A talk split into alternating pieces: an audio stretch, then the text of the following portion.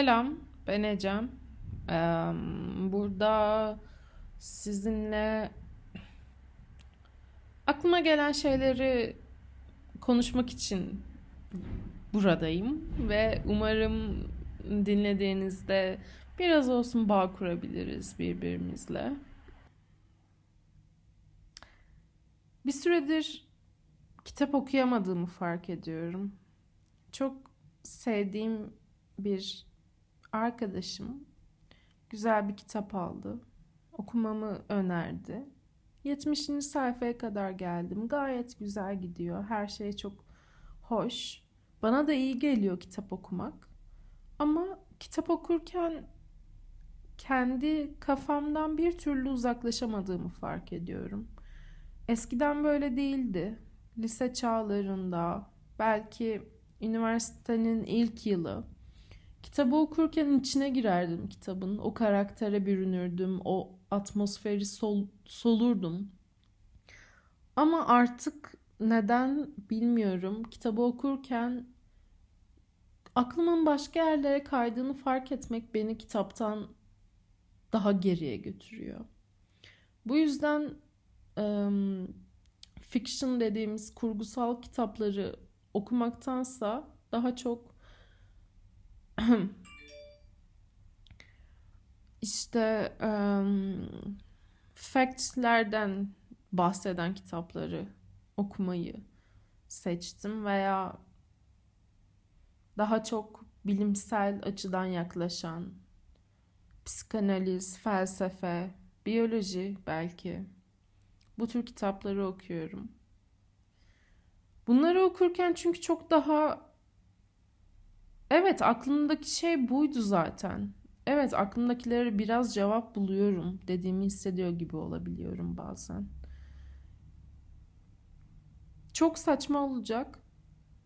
Çünkü belki de milyonlarca kişinin okuduğu, milyonlarca kişinin bu konu hakkında konuştuğu bir kitap sadece yaklaşık 40 sayfa falan okudum çünkü çok ön yargılıyız bu konuda. Kitap deyince illaki herkesin okuduğunu okumamamız gerekiyor abi. Farklı şeyler okumalıyız diyoruz bazen. Bazen diyoruz ki ya çok mainstream işte onu mu okuyorsun? Hayır, bunun belki de mainstream olmasının bir nedeni var. Gerçekten insanlar bir şeyler bunda buluyor ki bu kadar satıyor diye düşünüyorum.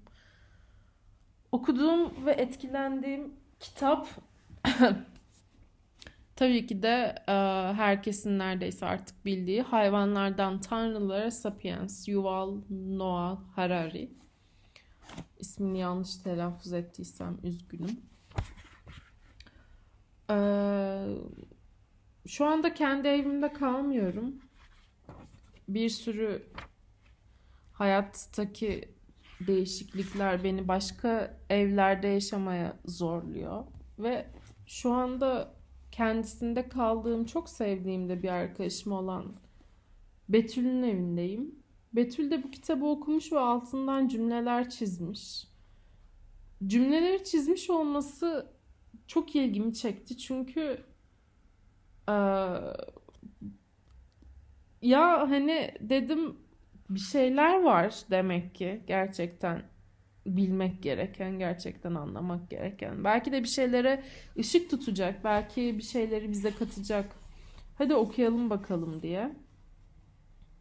Beni çok etkileyen bir kısmı vardı. O kısımda ilk başta zaten okuduysanız eğer ta ilk ha Sayfa 25. Evrimden bahsediyor başta. Ve insan evriminin ne kadar hızlı gerçekleştiğinden bahsediyor. Ve bu insan evrin, evriminin o kadar hızlı olmasının aslında çok da yararlı bir şey olmadığını hatırlatıyor bize. Dediği şey şu.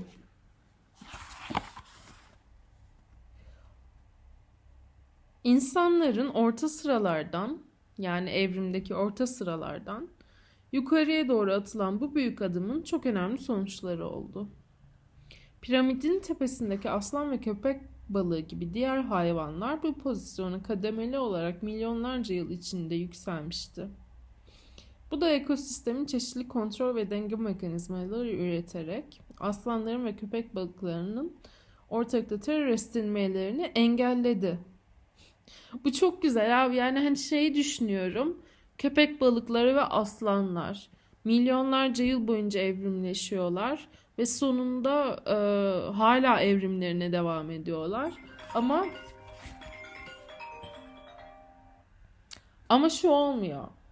E, diktatör bir köpek balığı görmüyoruz okyanusta şu anda. Buna geleceğim şimdi. Tabii kitap buna gelecek. Ben gelmiyorum.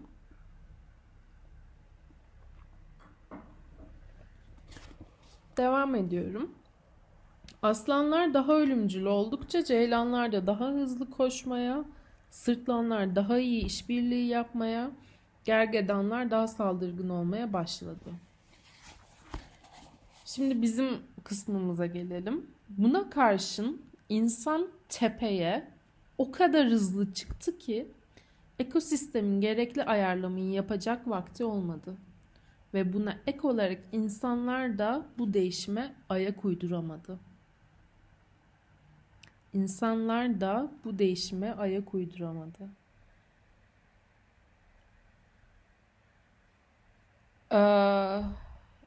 I'm an alien on Earth diye bir şarkı sözü vardı. Hal, Hal, Halcyon'di sanırım.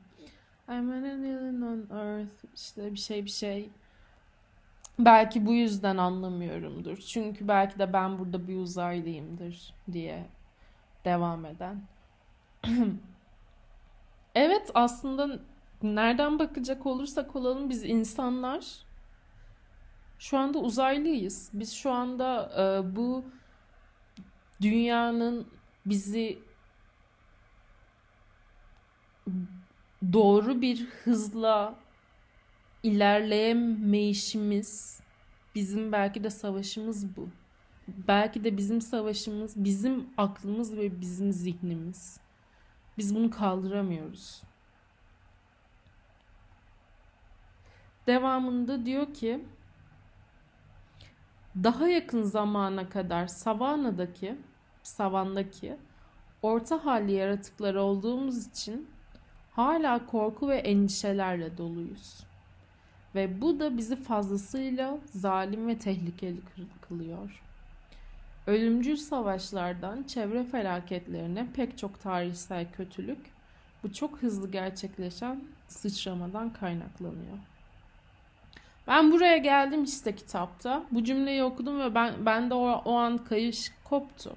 Orada kayış koptu ve dedim ki hmm, tamam dur bunun üzerine biraz düşünmem lazım. Evet ben bunu her hücremde dahi hissediyorum. Ben e, şu an korku içindeyim. Endişelerle doluyum.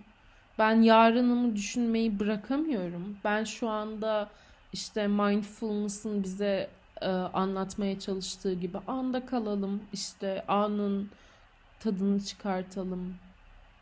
Tabii sadece bu değil. E, bunu da biliyorum az çok. Ama çok korku içindeyiz. Nereden baksanız milyon milyarlarca insan belki de her sabah sizinle aynı korkuyla uyanıyor ve aynı korkuyla gece başını yastığa koyuyor. Ben şunu düşünmüyorum. Çok zengin insanlar, çok e, ya da varlıklı, çok kendini geliştirmiş insanlar artık korkudan uzak değil. Onlar da kendi hayatlarının korkularıyla yüzleşiyor. Biz de orta, orta alt, orta üst sınıflar, her ne sınıfsa aynı endişe ve kaygıyla doluyuz. Yani şunu diyebilirim belki de bütünsel açıdan baktığımızda biz sadece ve sadece korkuyla kaplı küçük su kütleleriyiz. Böyle tanımlamak istedim kendimizi. Çünkü yani bir hayvandan farkımız sadece bilincimizin olması değil. Ama biyolojik anlamda belki de böyle açıklamayı uygun görüyoruz. Bilincimiz bizim belki de en kötü özelliğimiz. En büyük, en um, üstün kılan şey değil, tam tersine bizi en kötüye götüren, en uğraştıran, en zorlukları bize çıkartan şey belki de bilincimiz. Bilinçsiz olsaydık yani bilinçten kastım burada ahlaki, evrensel, dini veya herhangi fiziki bilgilerin bütün her şeyin toplamından bahsediyorum. Şu an şu kaydettiğim bilgisayarı kullanmaktaki bilincime kadar olan kısmı sadece korku. Sadece korkuyla gidiyor bazı şeyler. Bilmiyorum cümlenin sonunu getiremedim. Diyorum ya hiçbir plan, hiçbir program olmadan konuşuyorum sadece.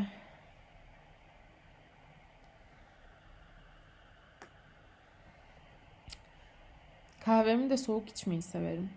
Yani ilk önce sıcak yapıyorum. Sonra hafif soğutuyorum. Ilık, ılık soğuk arası daha çok hoşuma gidiyor. Bu da bilincimin bir parçası. Bu da bana kaygı veren bir şey. Ya çok soğuduysa, ya şimdi çok sıcaksa, dilim yanar mı acaba? Ama bir 5 dakika beklese çok soğuyacak. Şimdi içmeliyim. Ha, bunları söylerken ben bu arada şunu da belirtmek isterim ki ben anksiyete ile boğuşan bir insanım. Belki de herkes böyle değildir. Belki de sadece ben ve birçok insan benim gibidir ama herkes belki de benim gibi olmak zorunda değil tabii ki de.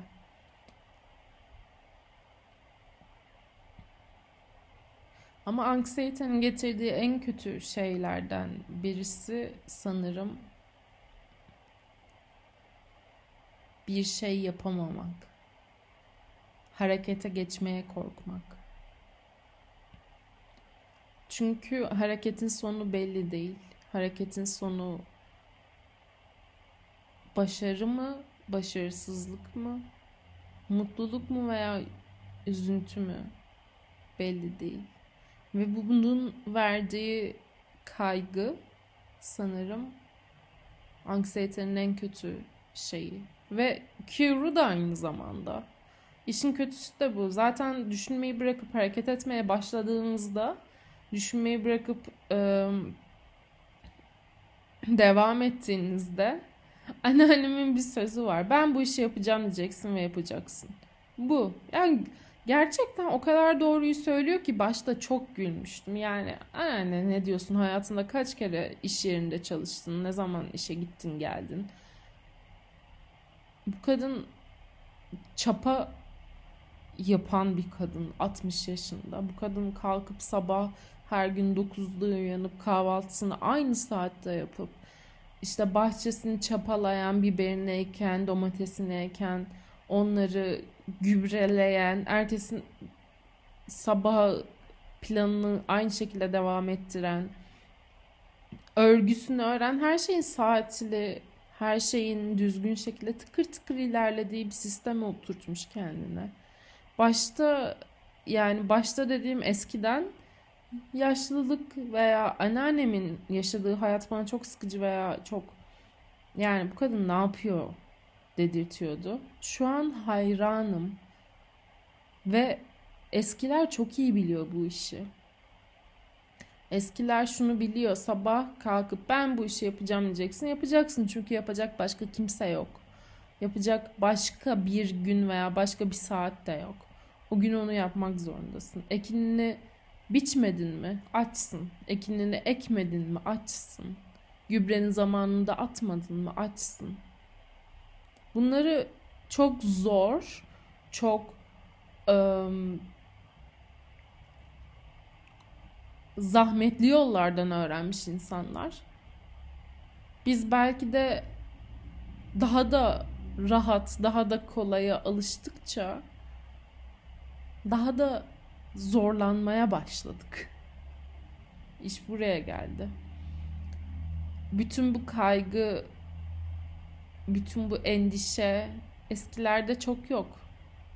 Yani evrim milyon milyarlarca yıl sürmüş milyar değildi sanırım. Milyonlarca yıl sürüyor olabilir belki ama yani 60 yıldaki evrim bile göz kamaştırıcı. Buna evrim denilmez tabii ki de. Buna kültür ve e, yaşam tarzı denir. 60 yıldaki değişen yaşam tarzı insanları kesinlikle daha çok kaygı ve endişeye sürükledi. Bunun nedeni de abi ben sabah kalkıp bu işi yapacağım diyemememiz. Yapacağım da egeli olduğum için ağzından bu şekilde çıkıyor. Affola. yani yapacağız. Kalkacaksın diyeceksin ki alarmın kurulu. İşin yok mu? Kalk abi kalk kahveni koy. Ha onun da anksiyetesi var bende. Kahveden sonra ne yapacağım?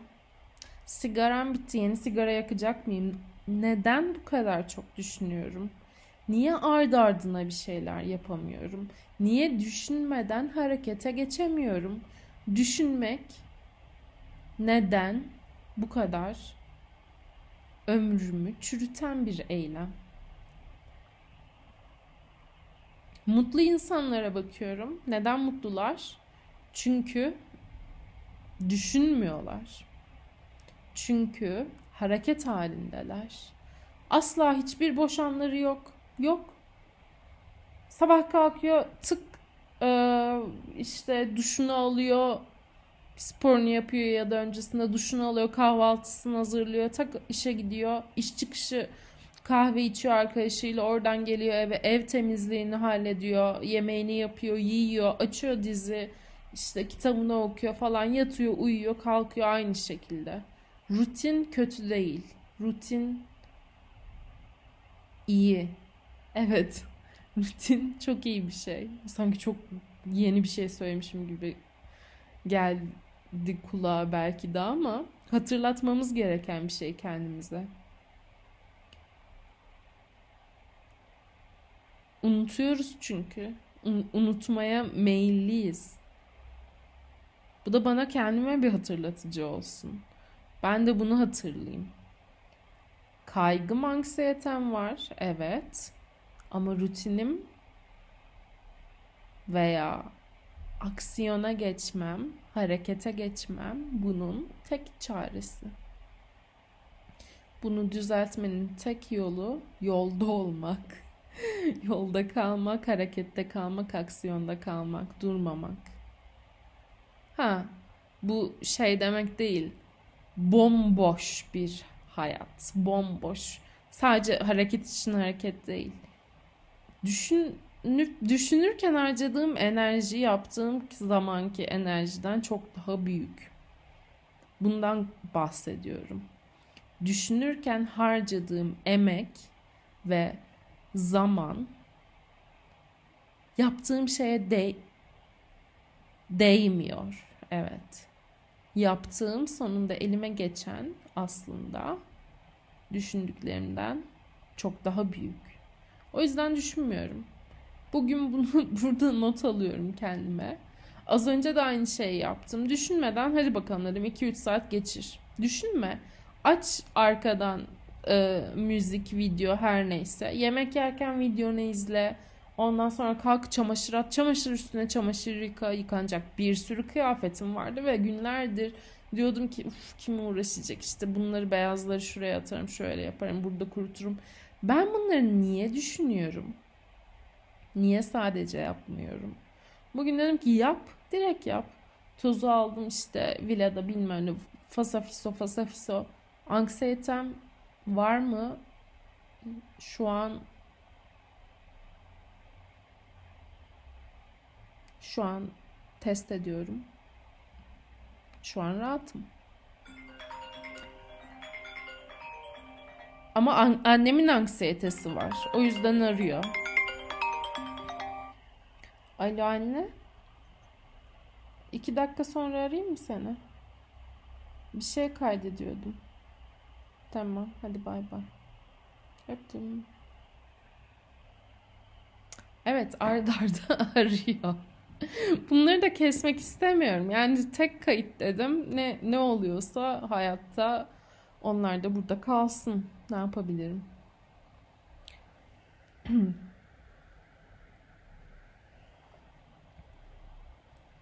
Dediğimiz gibi hayatta insanın en büyük gifti ne denir buna? Um, en büyük hediyesi, hayatın bize verdiği en büyük hediye. Gift hediye demek değil burada aslında biliyorum ama karşılığını bulamadım maalesef. Bilincimiz, aklımız, bir şeyleri düşünebiliyor olmamız. Ama en büyük köstek olabilecek olan şey de bu. O yüzden düşünme, yap. Just do it. Evet, bir marka reklamına da bağlamış olmuş gibi oldum. Ama öyle. Yani bunu çok kez söyledim. Neyse, konuyu çok çok çok çok fazla uzattım. Bu, bu konuşmamda benim genel olarak anksiyete ve kaygılarım ve insanların evriminin çok hızlı oluşuyla, her şeyle, temizlikle falan filan içimi dökmüş oldum. Böylelikle. Teşekkür ederim. İyi geceler.